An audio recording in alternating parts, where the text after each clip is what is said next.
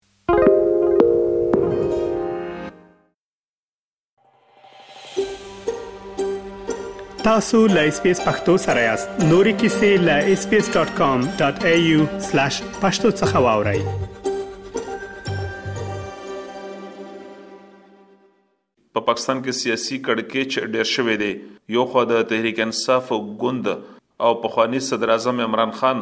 د پنجاب د مرکز لاهور نه تر اسلام اباد پورې د احتجاجي پرلت عمل پیل کړی دی، بل خوا د پاکستان د فوځ او د استخباراتي ادارو د لورې له هغې وروسته یوه خبري غونډه شوې ده چې یو پاکستانی خبریال په کینیا هېواد کې ووژل شو چې وروسته بیا په ټولنیزه رسنیو کې د تحریک انصاف ګوند د پلویانو د لورې د وژل شوي خبریال په وژنه کې دغه دواړه ادارې تورنې وګرځولې او پر دوی یې تورونه ولګول.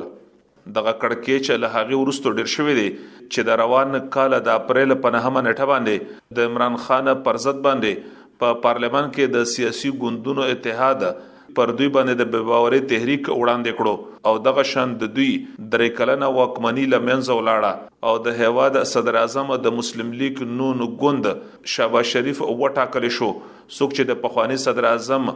نواز شریف ورور دی. د څېړونکو پر وینا باندې د عمران خان تر واک ته رسېدو پورې ځنې پټ لاسونه وو خو له دوی سره د اختلافاتو نه وروسته دوی د څوکۍ یا د واک نه لرې کړې شو او دغه شان د پاکستان د فوځ استخبارتي ادارو، اسټبلیشمنټ او د عمران خان ترمنځ دغه اختلافات تر دې حده ورسېدل چې په رسنیو او ټولنیزه رسنیو کې پر دې باندې بحثونه پیل شول او دغه شانتې پر یو بل باندې سخت تورونه ولګول شول. عمران خان د واک د لرې کېدو وروسته دغه تور ولګولو چې د دوی د واک نه د لرې کېدو په برخه کې د امریکا د لورې یو سازش شوی دی او د هغې برخه نه یوازې سیاسي ګوندونه دي بلکې ورسره فوځ هم ککړ دی. له دې وروسته د شخصي ټلویزیون یو خبریال ارشد شریف په کینیا هېواد کې ووژل شو او دغه شان د دې تورونه هم په فوځ او استخباراتي ادارو باندې ولګول شول.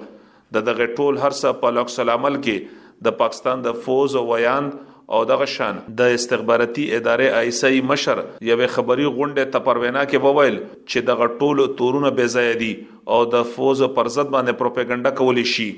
دوی دا هم وویل چې د شپې عمران خان د فوځ د مشر سره لیده کتنې کوي او د ورځې هغه د هیواد غدار بولي. په دغه خبري غونډه کې دوی وویل چې عمران خان واک ته د رسیدو لپاره هره یوه لاره خپلولو ته تیار دی او دغه شانتې غوښتل یې چې د فوځ سرلښکر ته تر نامعلومې مودې پورې په خپله څوکې باندې د پاتې کیدو امر وکړي خو د پاکستان د فوځ سرلښکره دغه فیصله کړې ده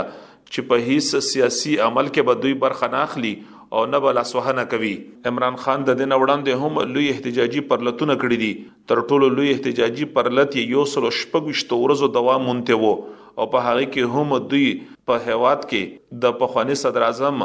نواز شریف د څوکۍ نه د لرې کولو غوښتنه کړې وه او دغه شانتې په هېواد کې د درغلیو تورونه هم پر دوی باندې لګولي وو. دغه اوسني پرلت ته دوی رښتینې یا حقیقي ازادي نوم ورکړی دی او غواړي چې په هېواد کې په ازاده توګه باندې ټولټاکنې ترسره شي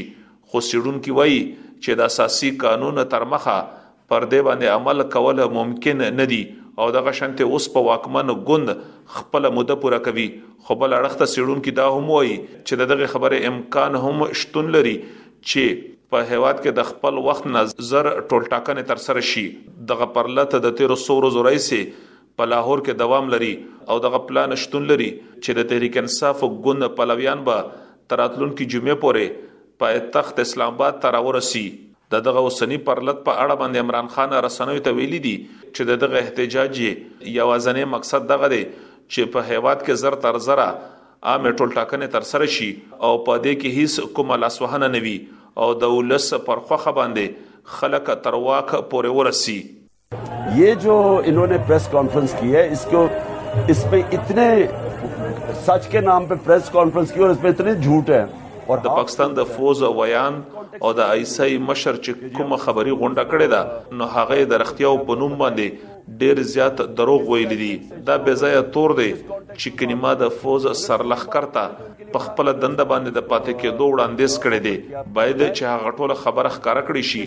چې ما دغه خبره پر کوم اساس باندې کړې ده د دغه اوسنی پرلت یوازنې مقصد دغه دی چې په هیواد کې په آزاد توګه باندې ټولټاکنې تر سره شي او په پا پاکستان کې هغه خلک تر واک پورې ورسي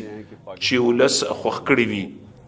چې پاکستان کې عوام الیکټ کړي الیکشن سے آئے آکشن سے نه آئے دا د پاکستان په خوانې صدر اعظم او د تحریک انصاف ګوند مشر عمران خان مشر خبریال او څیړونکی عقیل یوسفزی وایی چی عمران خان ددی نه وړاندی هم د سونامی په نوم باندی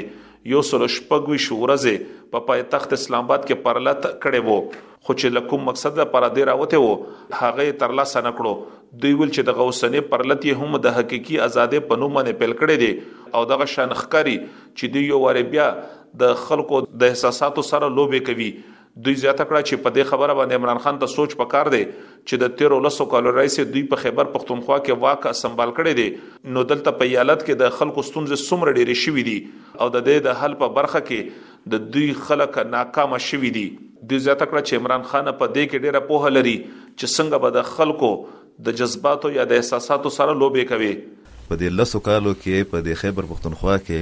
چې کوم انقلاب په دوه زره دیارلسم د الیکشن په نتیجه کې د عمران خان صاحب د حکومت په شکل کې راغلی و د هغه حکومت حالت څه دی؟ دلته کې نن د بجلۍ څه حالت دی؟ دلته نن د ګیس څه حالت دی؟ دلته کې نن د عام استعمال د څیزونو د قیمتونو څه حالت دی؟ دلته کې نن د کرایم څه صورت حال دی؟ د پیښور نه کراچۍ جوړه شوې ده. دل په پېښور کې که تاسو د نن د اخبارونو سرخيانې وګورئ نو تاسو ته به هر دويم خبر چې دی هغه د کرايم د سره متعلقه چې دی ريليونټ نيوز چې دی هغه به ښکاري پکې. موږ ته خو دا تجربه ډېره زياته ده چې د ده په هغه سونامي کې څومره حقيقت و، د ده د ګورننس معاملات چې دي هغه څنګه دي، د ده د صوبايي حکومت د لسو کالو کارکردګي څنګه ده، نو که موږ وګورو نه د عمران خان صاحب د پاکستان د عوامو چې کوم جذبات یا د هغې چې کوم خواهشات دي د هغې د ایکسپلایټ کولو دپاره یو ښه ایکسپرټ دی عمران خان صاحب ته زه یو بالغ نظره یا یو سنجیده سیاستدانو ته په دې حواله به نه شم ویلی چې یو سلوګن ورکول بیا بل سلوګن ورکول بیا دریم سلوګن ورکول بیا عجیبه غوندې خبرې کول یا د دې سلوګنز نه لکه اوس تاسو د دې اندازه ولګوئ لکه دته په دې ټوله دنیا کې په دغه ابتدا کې د سونامي نه علاوه بل څه نوم نه میلاوېدو یا نن چې په کم سلوګن لاندې دی راوتی دی حقیقي ازادي نو دا ملک خو د ریکارډ مطابق پنځه اویا کاله مخکې ازاد شوی دی نو بیا د کومې ازادۍ خبره کوي. مرکزي حکومت د عمران خان سره د خبرو کولو په برخه کې په دوو برخو کې ویشل شوي دي. صدراعظم غني په خپلو خبرو کې ویلي دي چې دوی د عمران خان سره خبرو کولو له تیار دي خو بل خوا ځینې مرکزي وزیرانو دغه هر څه رد کړي دي او ویلي دي چې د اساسي قانون ترمخه د دوی دغه غوښتنې بې ځایه دي او هیڅ امکان شتون نه لري چې دغه پوره کړې شي. اوس راتلونکي څو ورځو کې به دغه معلومیږي چې عمران خان په خپله دغه مقصد کې تر کومه حده پورې کامیابیږي خو د دې نه وړاندې چې کوم احتجاجي پرلتونه شوي دي نو هغوی هم کومې نتیجې نه دي ورکړي